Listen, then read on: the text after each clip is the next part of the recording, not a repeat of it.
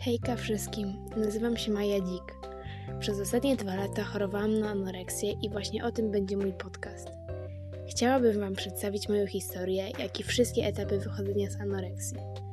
Pomimo, że moja choroba nie trwała tak długo, jak czasami się to dzieje u innych, to jednak była pełna wzlotów i upadków.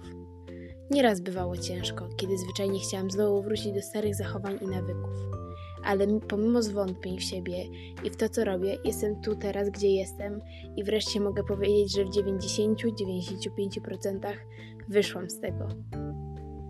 Chciałabym Wam się również pochwalić, że od mojej najniższej wagi mam aż 15 kg na plusie i zaznaczyć, że nie jest to powód do wstydu i porażki, tylko do dumy i to bardzo dużej dumy. Czy jestem szczęśliwa z tego powodu? Hmm. Myślę, że zdecydowanie tak. Wreszcie wyglądam normalnie, mam wreszcie pupę, a ludzie nie oglądają się za mną z politowaniem i współczuciem, że jestem strasznie chuda, tak jak to było kiedyś.